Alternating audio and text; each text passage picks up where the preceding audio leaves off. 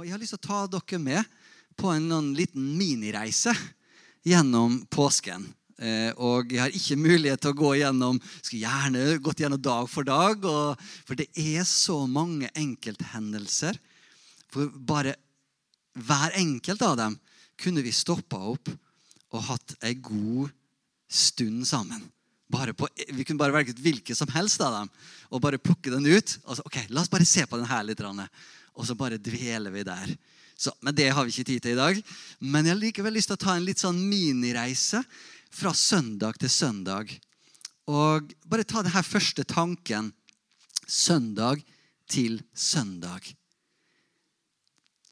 Vet du, det her er to søndager som, som betoner Jesus som konge og Jesu herredømme. Både når Jesus rir inn og blir hyllet og blir løftet opp, så ser du det elementet. Men du ser også det sju dager seinere, når han står opp igjen. Og, og, og, alt det som hører med til det. Hvor eh, Det står f.eks. i Filipperne at eh, med den autoritet som Jesus da fikk etter han sto opp igjen Han skal hvert kne bøye seg, hver tunge skal bekjenne at han er herre, og hver kne eh, i, himmelen og på jorden og under jorden skal bøye seg for han. Så, så vi ser både, begge de her to søndagene er, er proklamerer noe. Det proklamerer om denne Messias, denne kongen, som skulle komme. Og som jødene de hadde jo fått høre det her fra generasjon etter generasjon. Etter generasjon etter generasjon i, i faktisk flere tusen år. At det skal komme en Messias. Og det ble bare klarere og klarere. Eh, for det ble flere og flere messianske profetier som kom gjennom profetene, blant annet. Som gjorde det at eh, de her som studerte på det Det, det var en forventning, også, men så var det plutselig 400 år hvor det var helt stille. Og så kom Jesus til Betlehem, og så begynte ting å bevege seg. Så jeg har bare lyst til at vi skal tenke på de to søndagene det er to viktige. Og så er det også Skal vi se, Nå forsvant notatet mitt her. Skal vi se eh, Skal vi se Et lite øyeblikk, bare. Men jeg, jeg, kan bare Se, her har vi det. Um, når det gjelder denne påskeuka, så har du søndag, første søndagen, eh, palmesøndagen. Og så har vi oppstandelsessøndagen. Eh, men se imellom her så har vi to dager som også er veldig sånn markert. Og det er skjærtorsdag, og det er langfredag. Så når du tar påskeuka, og du har de her fire dagene, så har du mye av tyngdepunktet av det som skjer gjennom påska. Palmesøndag, skjærtorsdag, langfredag og oppstandelsessøndag. Skal vi si det sammen? Er dere med på det? Palmesøndag, skjærtorsdag, langfredag og oppstandelsessøndag. Så der har vi på en måte allerede så har vi lagt reiser. Egentlig, Vi har noen sånne, Akkurat som du skal reise til Oslo, så har du kanskje du skal innom der og der, og kanskje spise der og kanskje besøke noen der. Så du har disse noen sånne punkter. Vi starter med denne palmesøndagen. Og så er det ting som skjer også imellom her. Um, og så kommer da skjærtorsdag, og da er det spesielt to ting på skjærtorsdag. Det er nadværsmåltidet som innstiftes, og så har vi Getsemanehagen. Det er spesielt to som på en måte løftes frem veldig sterkt i, i fortellingen og det som er nedskrevet, det som formidles av apostlene. Eh, og så kommer langfredag. Det var en lang, det var jo ikke akkurat flere timer i den dagen enn det ellers. Men hvorfor var den så lang? Jo, For det første så var det ikke så mye søvn, iallfall ikke for Jesus den natta. Jeg tror ikke det var så mye søvn for disiplene heller. Det var ikke slik at etter at de ble spredt, så gikk de hjem og sov. Det var forvirring, det var usikkerhet, det var frykt. Det var masse ting som bevegde seg. Det var, en, det var en vond natt, en vanskelig natt, en forvirrende natt, en kaotisk natt. Og så kommer dagen og lurer på hva, hva skjer. Noen får det med seg, andre fikk kanskje ikke det med seg. Um, masse, et helt register av følelser, følelser, som beveger seg. Og i denne lange fredagen så er jo da lidelsen. Jesu eh, lidelse, Jesu død og hans begravelse. Eh, hvor han blir begravd. Så her har vi denne lange fredagen, og så blir det stille. Ikke sant? Lørdagen. Det er liksom OK. Ja vel, hva skjer nå, da? Han som skulle være konge, han er borte. Eh, og Det er jo ikke akkurat hverdags at noen står opp igjen. og det, Bibelen snakker jo om det at det her var skjult for dem. Men etterpå så ble Skriftene åpnet for dem. Så de forsto hva som egentlig skjedde de her dagene. Men så kommer da søndagen, og Jesus står opp igjen. Og, så det er de her fire hoved... Eh, si, hendelsene eller, eller tidspunktene som, som, som, vi merker vektlegges veldig tungt, både i teksten og i den feiringen som vi har. Det er ingen tilfeldighet at vi faktisk har navn på de dagene, og at eh, de dagene har vi Iallfall i Norge så har vi fri de dagene. Så, så det syns jeg er litt sånn eh, fascinerende og flott. Så, og jeg oppmuntrer deg til å gjerne lese gjennom om du tar en av evangeliene og les fra palmesøndag og til og med oppstandelsessøndag. Hvis du har lyst til å grave det enda litt dypere, så kan du lese alle fire litt sånn parallelt. Og, og, og, få med det. For det er noen hendelser som ikke nevnes i ene, men som kanskje nevnes i andre. Men uansett, ta iallfall litt av tid til å reflektere over. Og Jeg har lyst til å, eh, jeg skal ta en sang nå eh, først. Men etterpå det så har jeg lyst til å, hente frem fire hendelser i denne uka som har fascinert meg på en spesiell måte og som har tar til meg på en spesiell måte. Og Kanskje det at noen av de hendelsene er ting som du også har reflektert over og kanskje blitt berørt av. Eller kanskje de, du ikke helt har tenkt over at det var kanskje noe der som vi kan eh, hente ut. Så vi får se. Da har vi lyst til å ta en sang først. Her. Eh, som dere gjerne kan være litt med på hvis dere vil. Eller dere kan bare lytte. Og Den tar litt denne tematikken tror jeg, i denne her palmesøndagen, hvor Jesus feires. Mange kanskje som har blitt helbreda, var der, som feira han, og som har blitt berørt av han på forskjellige måter.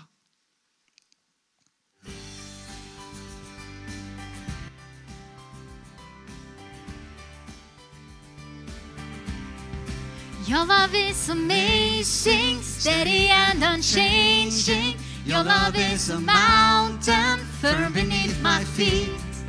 Your love is a mystery, how you gently lift me when I am surrounded. Your love carries me. Hallelujah, hallelujah, hallelujah.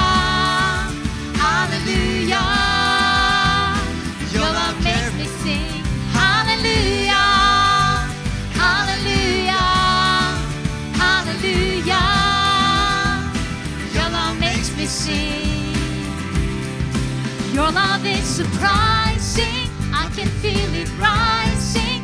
All the joy that's growing deep inside of me. Every time I see you, all your goodness shines through. And I can feel this God song rising up in me.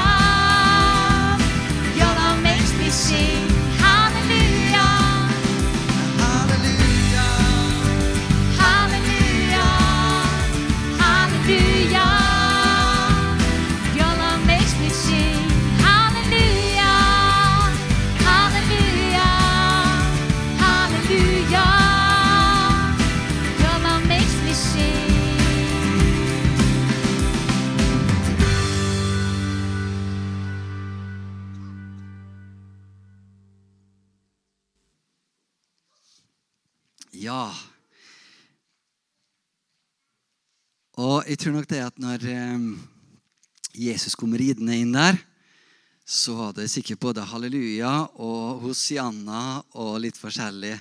Eh, jeg tror i alle fall at det var mange takknemlige hjerter som var der. For det er jo litt sånn når vi har blitt berørt, og vi har fått kjenne på bl.a. Guds godhet, så eh, da er, det, da er det lettere å respondere på det. Og da er takknemlighet og tilbedelse en av de naturlige måtene å gjøre det på.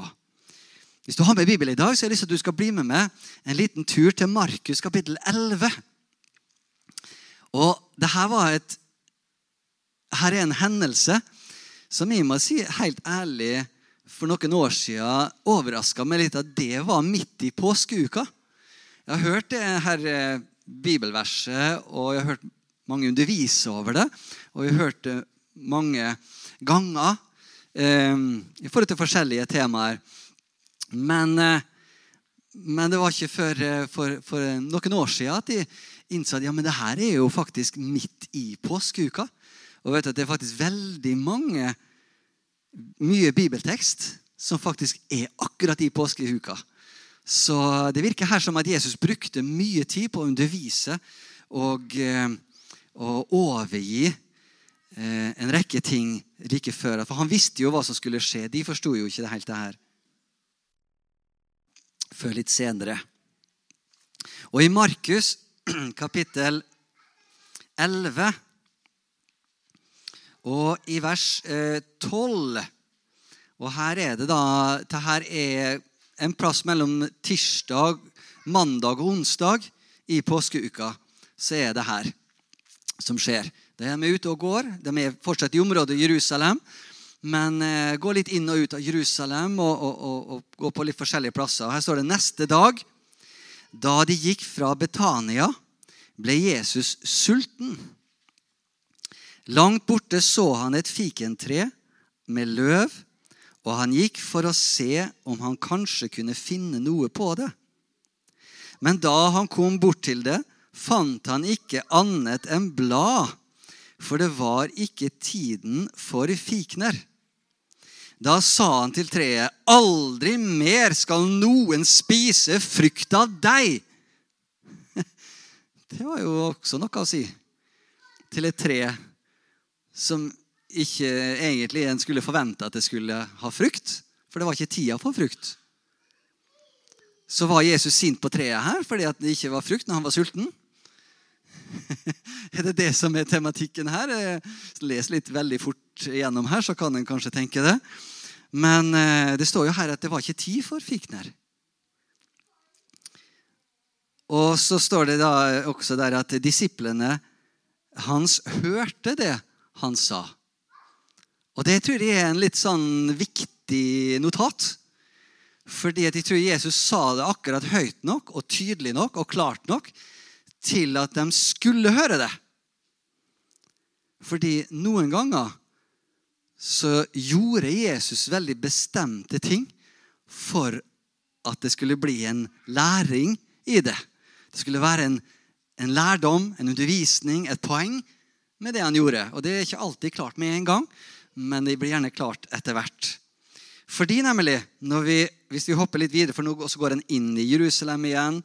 Eh, og så ser vi her i vers 20 Hvis du hopper ned til vers 20, så står det Og de, eh, da de tidlig om morgenen gikk forbi fikentreet, altså det fikentreet som Jesus hadde talt til, så de at det var visnet fra roten av. Peter husket Jesu ord og sa Han hadde jo hørt det. Rabbi, se fikentreet som du forbannet. Det du talte at det skulle dø, er visnet. Og Nå er ikke her et eksempel at vi skal gå rundt og tale til forskjellige trær som vi ikke er fornøyd med.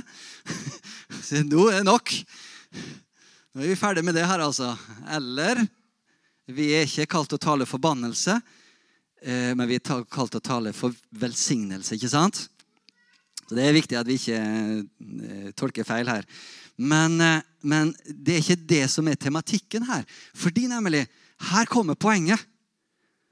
Hvorfor gjorde Jesus det her? Det kommer frem da i, i vers 22. Og Jesus svarte dem, ha tro til Gud. Ja, men Hva i alle dager har det med ha tro til Gud og så snakke forbannelse til et tre? Hæ? Hæ? Hva? Uh, ok. Men det vi finner her, og en av de tingene som har fascinert meg med akkurat denne situasjonen eh, og denne historien i påskeuka, er hvor Jesus tar et øyeblikk og viser disiplene noe om kraften i våre ord. Der er en av hovedgrunnene og hovedpoengene som Jesus ønsker å formidle og ønsker å overføre og overgi til disiplene. Nesten som at Jesus sier, 'Ja, Peter og dere andre, la dere merke til det som jeg sa.' Og i bare løpet av noen timer så ser dere effekten av mine ord når jeg talte. Noe har skjedd i det usynlige som har nå begynt å manifesteres i det fysiske. For Hvis du legger merke til hva som står videre her Skal vi se, vi tar vers 22. Og Jesus svarte dem, ha tro til Gud. Sannelig Og når Jesus sier 'sannelig', da er det akkurat som han sier, ok, følg nøye med nå. Nå kommer noe viktig. Sannelig sier jeg dere, om noen sier Alle sammen sier 'sier'. Nå må jeg finne tilbake igjen til plassen de leste. Om noen sier til dette fjellet, løft deg og kast deg i havet, og han ikke tviler i sitt hjerte, men tror at alt det han Hva for noe? Sier, vil skje. Da skal det også gå slik. Derfor sier jeg dere, alt det alt dere ber om i bønnene deres, Tro at dere får det, og dere skal få det.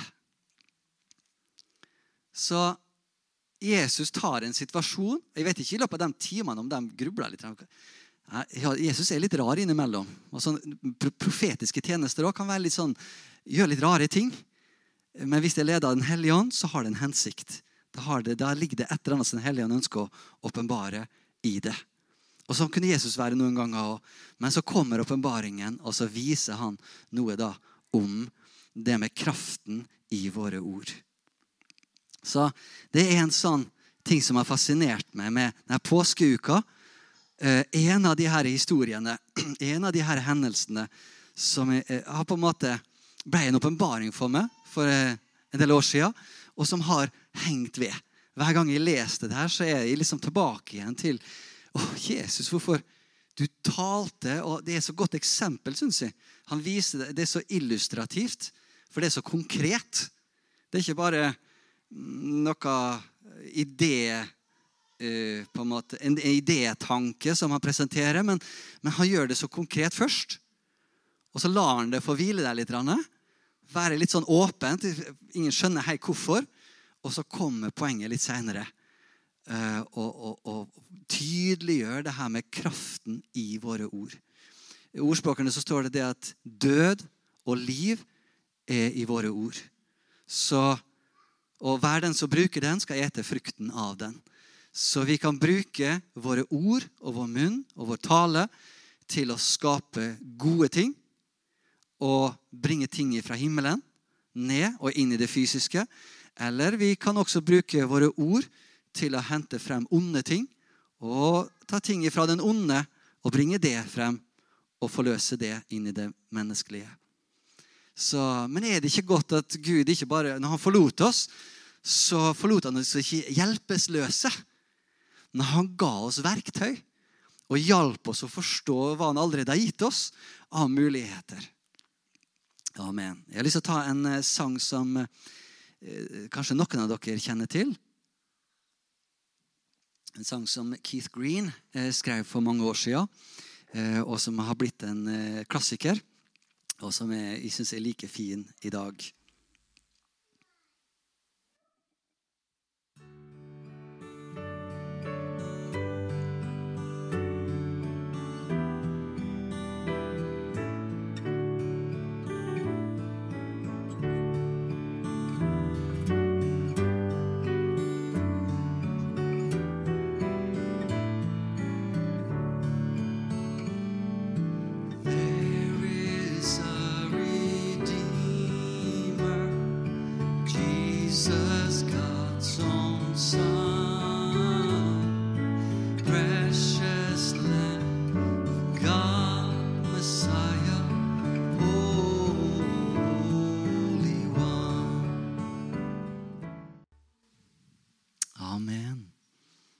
En forløser. Takk og lov. Det er en person i Nye testamentet og en av Jesu disipler som stadig har en evne til å stikke hodet frem. Kan du gjette hvem det kan være? Peter! Han jeg tror nok det var sikkert litt mer personlighetstype. En dag når vi får snakke med så får vi sikkert finne ut litt mer. Jeg ser for meg han litt, som litt sånn sprudlende. Litt sånn impulsiv. Eh, litt eh, handle først, tenke etterpå. Og så kanskje tenke igjen. Var det der lurt? Kanskje. Andre ganger så var han jo midt i blinken. Men han var iallfall frimodig. Det tror jeg vi kan si. Han hadde en evne til å på en måte både ta litt plass kanskje både på godt og vondt. eh, noen ganger så tar han ting som kanskje han angrer litt på etterpå. Altså, ikke så hyggelig for eksempel, å få det at eh, Satan vik bak meg. Eh, videre. Eh, og andre ganger så Peter, du, det der har ikke noen andre vist det. Det der er Gud som har vist det. Det er rett midt i blinken, Peter. Så, eh, og, men det som er litt fascinerende med Peter, da, han tør iallfall. Han tør å feile, og, han tør, og noen ganger lykkes han. Eh, og Det er veldig interessant. Det er faktisk en egen studie å følge Peter. Det gjør vi jo nå faktisk litt sånn delvis på denne reisa vi har i livsgruppa. Eh, så henter jeg frem noe i løpet gjennom det året her så henter jeg frem på noen søndager her og der så henter jeg frem Peters reise, som viser litt den reisen vi tar nå i studien. Så kan du se litt den i livet hans hvor han også hadde litt de her fasene og, og, og passasjene. Men det som er veldig interessant, er å se Peter helt i begynnelsen, og så se Peter på pinsedag og videre. Eh, og se på en måte hvordan det virkelig den forvandlingen over tid, den disippelgjøringsforvandlingen som vi ser i Peters liv. Men så ser vi også i påskeuka så er han der. Og Jeg har lyst til å bare ta frem to eh, litt raskt, to situasjoner med Peter. Og Det første er i Getsemanehagen. Nå er vi på torsdagen. Vi, tidligere her så var vi litt sånn mandag, tirsdag eller onsdag i, i området der. Nå har vi flytta oss til torsdagen. Og her har vi Getsemanehagen. Og Hvis du blir med meg til Matteus kapittel 26 og faktisk Det som skjer i Getsemanehagen, er faktisk en liten studie i seg sjøl. Eh, hvis du tar alle fire evangeliene og ser hva som skjer. For er, der er det litt forskjellige ting som hentes frem av litt forskjellige ting. Altså Johannes er det vel, så fortelles det om det at når Jesus sa 'jeg er', så kom det en sånn kraft i ordene hans at alle ble slått til bakken. det er litt interessant. Spør, eh, han spør hvem er dere ute etter. Jo, vi er ute etter Jesus fra Nasaret. Han sier han at 'jeg er'. Så boom! Så går alle rett i bakken. Ja, det, og det er en rekke andre ting også skjer, så det er bare i løpet av den lille, lille tida, lille øyeblikket der nå, så er det en rekke ting som skjer som bare manifesterer noe av overnaturlig kraft der nå. Men jeg har lyst til å løfte frem en liten ting her. Og vi kan lese fra vers eh, Skal vi se mm, La oss bare lese Skal vi se nå For å få litt sammenheng. Uh, ja, Fra vers 47 så får vi hele sammenhengen. Og mens han ennå talte Matteus 26, 47. Og mens han ennå talte, kom Judas, en av de tolv, og med ham en stor flokk som var væpnet med sverd og stokker. De kom fra overprestene og folkets eldste. Forræderen hadde avtalt et tegn med dem. Den jeg kysser, han er det. Grip han. Han gikk straks bort til Jesus og sa, Vær hilset, rabbi. Kysset ham. Men Jesus sa til ham, 'Venn, nå har du gjort ditt.' Da kom også de andre til, og de la hånd på, hånd på Jesus og tok ham til fange. Eh, en av dem som var sammen med ham og Det var faktisk i, i Lukas der står det, det at det var flere som spurte skal vi ta sverdet. Skal vi ta til sverd. Så det var ikke bare Peter her som var klar til å å, å, beskytte og til å på en måte For det her er Messias, det her er vår mann. Ikke? Ja. Mm. Så det var ikke bare det var ikke, Ja, det var ikke bare pasifister, skulle jeg si. I Jesu flokk der. Jeg var klar til å forsvare. Men så var en av dem som, eh, som var sammen med ham, grep sverdet sitt, trakk det og hogg etter oversteprestens tjener og kuttet av ham øret. S- Sikta han på øret, eller sikta han på noe annet? Jeg tror Det er ganske vanskelig å treffe akkurat øret, så jeg tror det at det var, det var noe her som Ja. Eh, Da, Jesus, da sa Jesus til ham, 'Stikk sverdet ditt på plass igjen.' For alle som griper til sverd, skal falle for sverd. Tror du ikke Og her kommer Og det var Peter her. Som er, det står i en av de andre evangeliene. Det var Peter her som, som tok sverdet, og som prøvde å, å stoppe dem ifra å ta, ta Jesus. Men legg merke til her, og det her er, er det som har å, som har fascinert meg med en av her situasjonene. For at Jesus sier 'stikk sverdet tilbake igjen'. Forstår du ikke, Peter? Og så kommer det. Eh, tror du eh, Vers 53. Tror du ikke, Peter, kan vi legge til, at jeg kan be min far, og, han vil straks sende meg mer enn tolv legioner engler? Og nå har jeg ikke akkurat frist i hodet hvor mange en legion er. eh, Men det har iallfall noe med 1000 å gjøre. Om det er, det er en legion er 6000, ja? Riktig, så da blir det altså seks ganger tolv. Så Jesus sier her at Tror du ikke det, Peter? At, forstår du ikke det, Peter, at hvis jeg trengte beskyttelse, så har jeg beskyttelse? Jeg kunne be min far, og bare på et øyeblikk så kunne jeg ha 72 000 engler her. Og Da kan du se liksom differanseforskjellen mellom da de her soldatene. Jeg vet ikke hvor mange soldater nøyaktig det var, men la oss si det var en 10, mellom 10 og 20 soldater. da, Som kanskje er godt regna.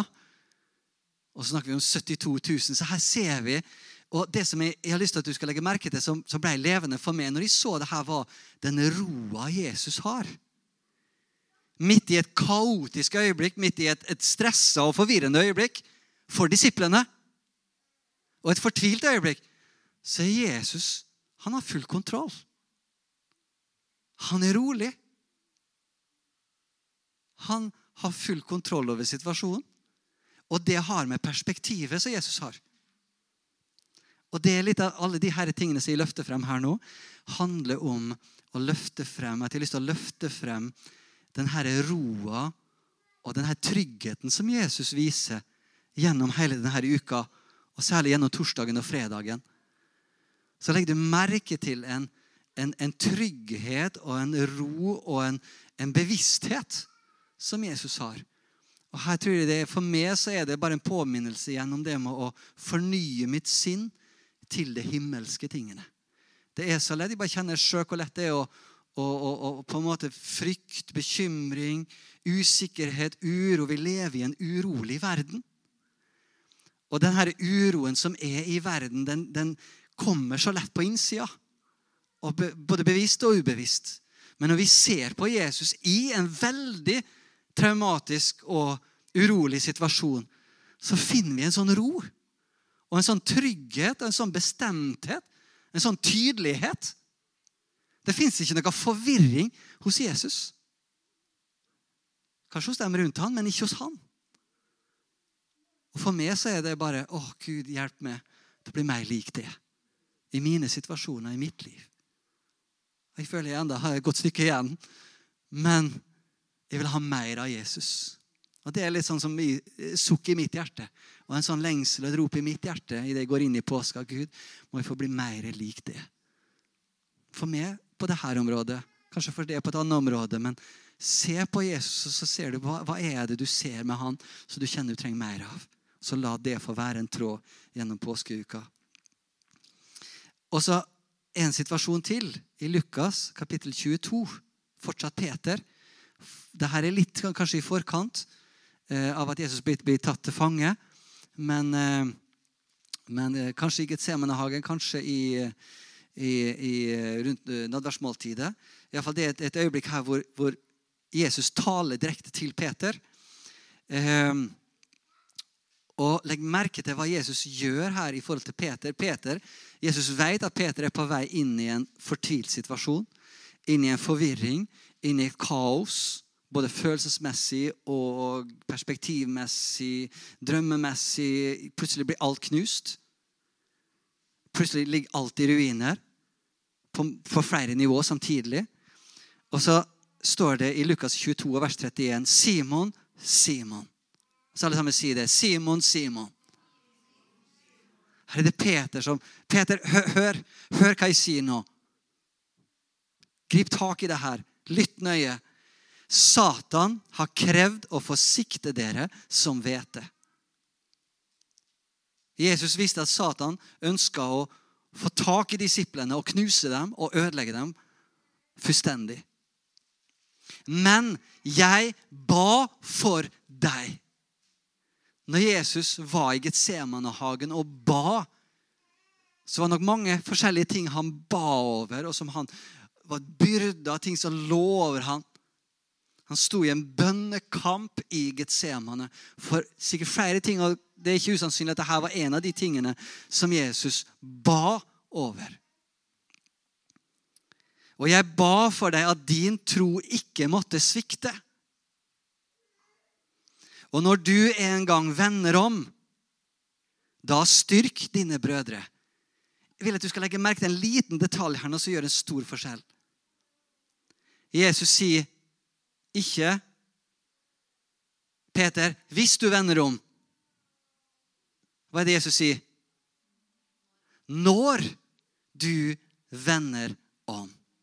Det er to ting som jeg opplever Jesus sier her. Det første er at han taler tro. Du skal komme tilbake igjen. Han taler tro. Som han talte til treet, som visna, så taler han liv inn i en Jesus vet hva som kommer, men likevel så taler Jesus profetisk. Jesus taler tro. Det andre er det at Jesus også taler profetisk. At når du kommer tilbake Akkurat som nesten han gir deg et løfte. Når du kommer tilbake. Paulus, når han var i, i, i båten, og båten var på vei ned, så kom en engel og minte ham på at du skal til Roma. Du skal forkynne mitt ord i Rom. Han kunne ikke gå ned med båten da. Han hadde et løfte, hadde fortsatt et oppdrag. Samme gir også Jesus Peter her nå. Han gir, gir han noe å holde fast i når du kommer tilbake. Så legg merke til hvordan Jesus også bruker bevisst sine ord både til å tale tro og tale profetisk. Dette er nok ting som eh, Helligånden ga Jesus, som han skulle gi til Peter. Eh, da styrk dine brødre. Amen.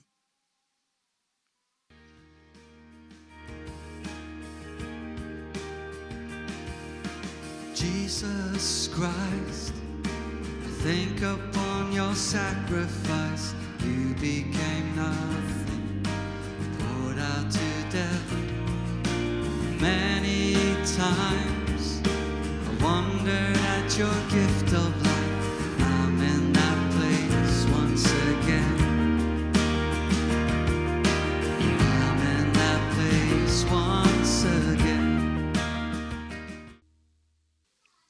så har vi da den her lange fredagen. Den her natta hvor det bare ene tingen etter den andre. Ene på en måte rettssaken etter den andre. Først innenfor den ene, så innenfor den andre, og så tilbake igjen, og så dit, og så hit. Frem og tilbake. Og den forvirringen, den fortvilelsen, den usikkerheten, hva med fremtiden? Hva, hva alt det vi har vært med på i tre og et halvt år, er det, er det noe borte? Hva, hva, skjer? Han kan ikke dø. Han, jo, han var jo Messias, vi var sikre på det. Han kan ikke dø. Det her går ikke an. Du kan bare tenke deg alt som skjer. Og Peter da igjen, som fornekter Jesus tre ganger, og hører han galer. Og bare, han bare brast, brast sammen, knust på innsida. Og sikkert føler det at det, det, er ingen, det er ingen vei tilbake for meg. Det er ingen håp for meg. Det er ingen, det er ingen vei videre for meg nå. Nå er det her, det her er over. Jeg svikta den som jeg, jeg elska, og den som jeg var så glad i. og Han som var min leder, han som betydde så mye for meg. Og, og kanskje litt forvirring også med at ja, men også, også I tillegg så Jesus han sa at de skulle ta sverdet vekk igjen. Hva, hva, hva er det her? Forvirring, usikkerhet. De forstår ikke, jeg klarer ikke To pluss to er ikke to, fire lenger. Det er liksom akkurat så på en måte, jeg, jeg klarer ikke å regne ut det her. Jeg klarer ikke å forstå det. Um, og så kommer jo da det endelige dødsstøtet. Hvor Jesus henger på korset og oppgir sin ånd og faktisk dør. Døden er ganske brutal og ganske avsluttende.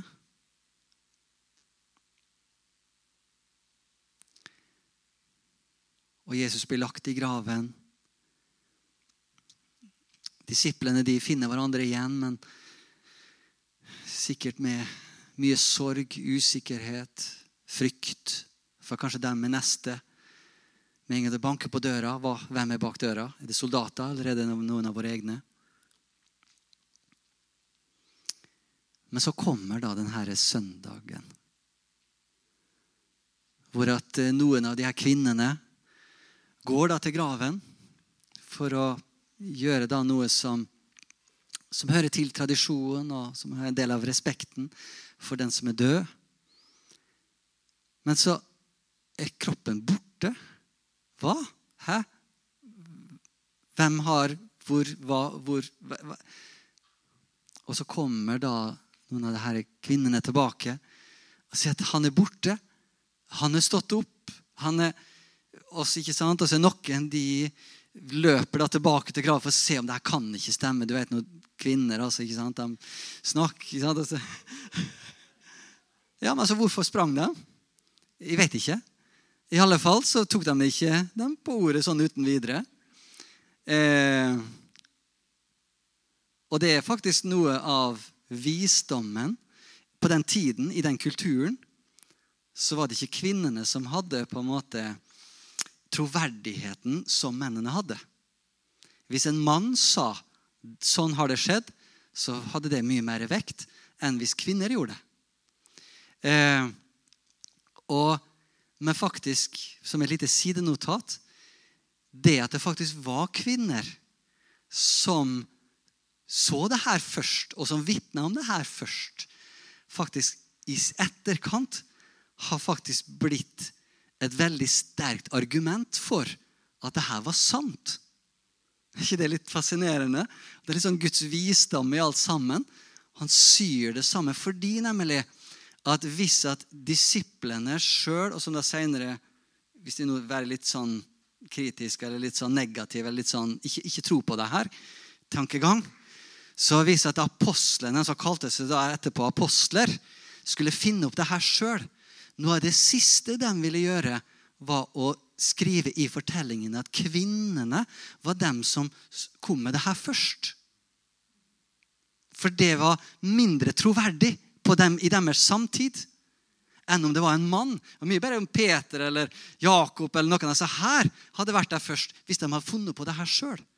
Hvis det var fiktiv, hvis det var oppspinn. Men for apostlene og for dem så var det å være sannhetstro det aller viktigste. Selv om det faktisk var kanskje litt problematisk i deres samtid, så måtte de fortelle det som det var. Og Det har igjen blitt et i dag, vår tid, for eksempel, så er det et godt argument, faktisk et sterkt argument for at det her faktisk det de sa, var sant. Fordi at det var ikke til deres fordel. Fascinerende. Står Jesus opp og så er det fortsatt, selv om noen de kjenner glede, noen kjenner fortsatt på forvirring og usikkerhet. Og jeg har lyst til å bare ta én hendelse som den siste her. Og det er i Lukas kapittel 24. For eh, nå, vet du Nå er det på den søndagen her så er det jo ryktene som regjerer. Ikke sant? Mye rykter går nå. Ikke sant? Og det sprer seg fort. Det vet vi både i dag og det vet vi fra fortid.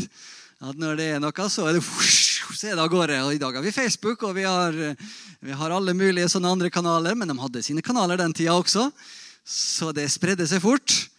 Um, og eh, litt interessant her, her har vi noen av disiplene til Jesus. Litt uklart akkurat hvem det var. Og om det var, For meg litt uklart om det var en av de tolv. Kanskje ikke det var det. Litt usikker. Men, eh, men uansett så, så, var det her noen som hadde fått med seg kanskje litt bruddstykker og litt deler av det som hadde skjedd, og kanskje en litt sånn forsiktig håp. Et forsiktig kan det være, men vi veit ikke helt. Vi får se. Det. Kanskje det er bare vi vet, Når det er så store ting som skjer, så blir det rykter, det blir misforståelser. det er liksom, så Vi veit ikke. Og i vers 13 Lukas 24, 13, så står det samme dag var det to disipler på vei til en landsby som heter Emmaus. Da vet dere hvilken historie vi er inne på her. 60 stadier fra Jerusalem, og de snakket om alt det som var skjedd. Mens de nå snakket sammen og drøftet dette, kom Jesus selv og slo følge med dem. De var på vei til Emmaus, på vei bort fra Jerusalem. Hvorfor de var på vei til Emmaus, det, det kommer ikke frem i teksten her så langt jeg, ser. Men uh, de var iallfall på vei vekk fra Israel. Vi kan gjøre oss litt tanker og ideer og kanskje gjette litt. Iallfall var de vekk, på vei vekk fra Jerusalem, og så kommer plutselig en til og går sammen med dem. Ja, hyggelig, det. Når uh, så begynner de å prate. Eh, skal vi se Mens de nå Eh, skal vi se 60 stader fra Jerusalem, og de snakket om alt det som hadde skjedd. Vers 15. Mens de nå snakket sammen, drøftet dette, kom Jesus selv og slo følge med dem.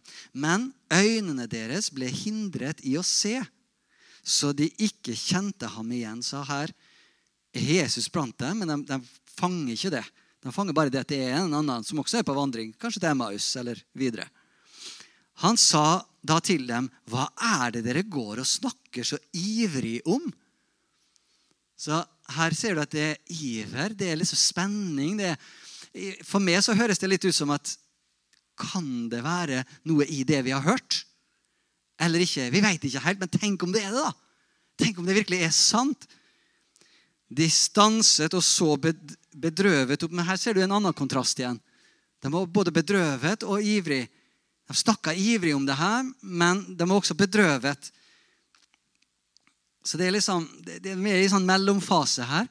Vet ikke hva som egentlig har skjedd, og hva som er sant, og hva som ikke er sant. Hva som er virkelig. De stanset og så bedrøvet opp, og den ene, han som het Kleopas, svarte du må være den eneste tilreisende i Jerusalem som ikke vet hva som er hendt der i disse dager, her i disse dager. Hva da? Svarte han. Hva da? Her er jo hovedpersonen sjøl, vet du. Det med Jesus fra Nasaret. Har du ikke hørt om han, eller? Her snakker de jo til han.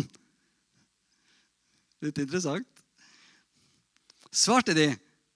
Han var en profet, mektig i ord og gjerning for Gud og hele folket. Men våre overprester og rådsherrer utleverte ham og fikk ham dømt til døden og korsfestet ham. Og vi som hadde håpet at det var han som skulle befri Israel. Dessuten, i dag er det all tredje dagen siden dette hendte. Og nå har også noen kvinner blant oss gjort oss forvirret. Der ser du bevegelsen hos dem. De er ivrig, men de er også forvirra og bedrøva. Og det er liksom et kaos av følelser. Og nå har noen kvinner blant oss gjort oss forvirret. De gikk ut til graven tidlig i dag morges, og de fant ikke kroppen hans. De kom tilbake og fortalte at de hadde sett et syn av engler som eh, sa at han lever. Noen av våre gikk da til graven, og de fant det slik som kvinnene hadde sagt. Men han selv så de ikke.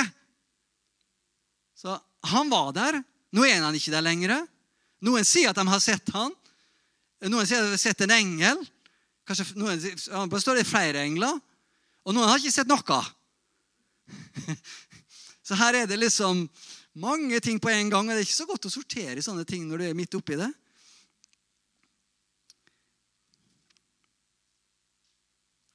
Um, og de fant det slik at, eh, som kvinnen har sagt, men han selv så de ikke. Da sa han til dem, så uforstandige dere er, og så trege til å tro alt det profetene har sagt. Må- Måtte ikke Messias lide dette, og så gå inn til sin herlighet? Og han begynte å utlegge for dem det som står om ham i alle skriftene, helt fra Moses av og hos alle profetene. Det var en bra lang samtale kanskje som var der nå. Prata og prata, og de var ivrige. Her var det en som kom langs veien, som tydeligvis hadde peiling på ting.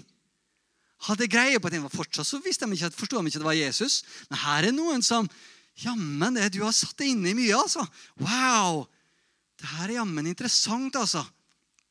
De nærmet seg nå den landsbyen de skulle til, og han lot som han ville dra videre. Interessant. Han lot som han ville dra videre. Og de ba ham inntrengende bli hos oss. Det var interessant det han snakka om. Du må fortelle oss mer. Det her er interessant. Bli hos oss. Det lir mot kvelden, og dagen heller. Da gikk han inn og ble hos dem. Og helt sikkert fortsatte de å prate.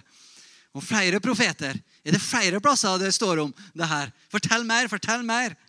Og mens han satt til bords med dem, tok han brødet, ba takkebønnen, brøt det og ga dem.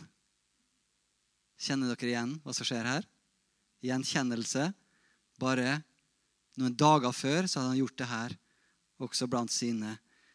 Og takket brødet og brøt og ga dem. Da ble øynene deres åpnet, så de kjente ham igjen. Tenk på det, da.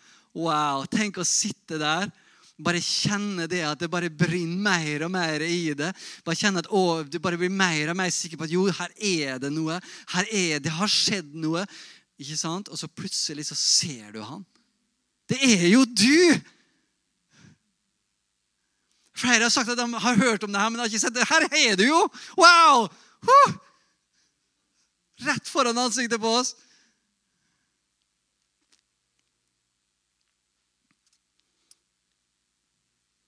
Da ble øynene deres åpnet, så de kjente ham igjen. Men han ble usynlig blant dem. Så idet det blir åpenbart, så tenker jeg han smiler vet, Og, og sikkert på en måte bare, bare med smil og med øynene bare velsigne dem, og så, pff, så er han borte. Da ble, ja, ehm, Han blir usynlig for dem, vers 32.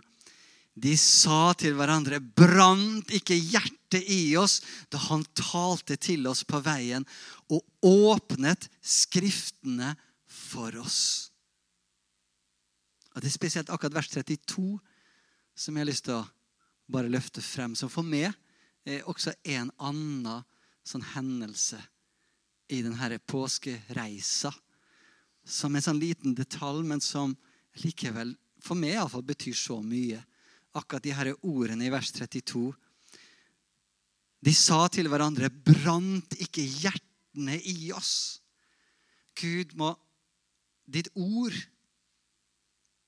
tale til meg og berøre meg på en måte hvor jeg kjenner det at din brann, både til renselse og til iver og nidkjærhet, blir tent enda sterkere enn noen gang før. Det er noe med når Den hellige ånd åpenbarer ordet for oss og betjener oss akkurat der vi trenger det.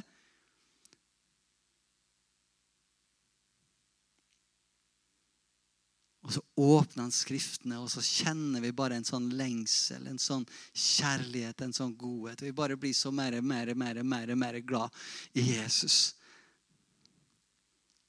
Når ordet For han, han er jo ordet. Så for min egen del, og for alle oss, Når vi setter oss ned med Guds ord denne påska, må ordet få bli åpnet. Den hellige ånds åpenbaring får hvile over hver enkelt av dere. Av åpenbarings- og visdomsånd får hvile over dere denne påska. Slik at ting som du trenger å se, ting Den hellige ånd ønsker å åpenbare, og kanskje til og med spørsmål og bønner som du holder oppe innenfor Gud, og du trenger svar på. At det kommer åpenbaring og visdom sånn over det. Så du bare kjenner ah, nå ser jeg. Først og fremst så ser du Kristus. Og i det at du ser Kristus, så ser du også andre ting som du trenger å se. Og så blir denne brannen tent opp i oss. Amen. Takk og lov.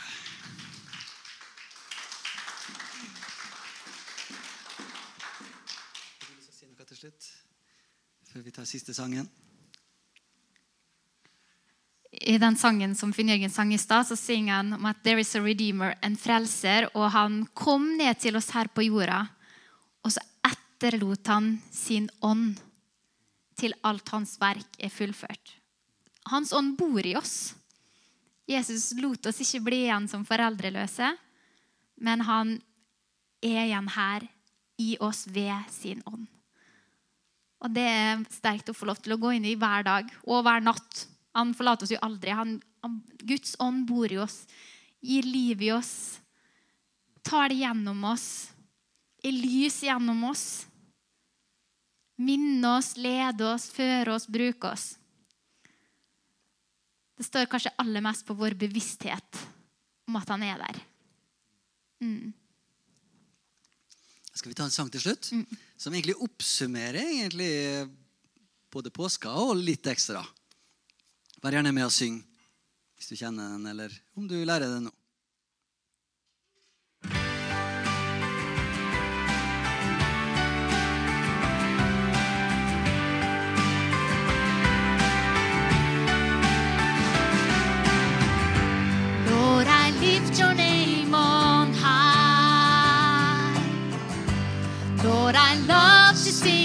Praises.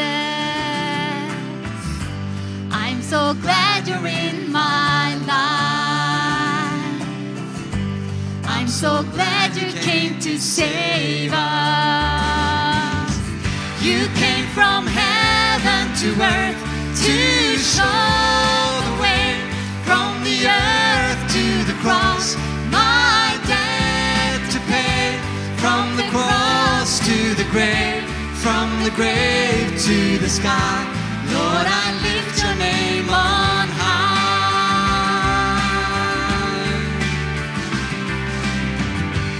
Lord, I lift your name on high. Lord, I love to sing your praises. I'm so glad you're in my so glad you came to save us. You came from heaven to earth to show the way from the earth to the cross. My debt to pay from the cross to the grave, from the grave to the sky. Lord, I lift your name on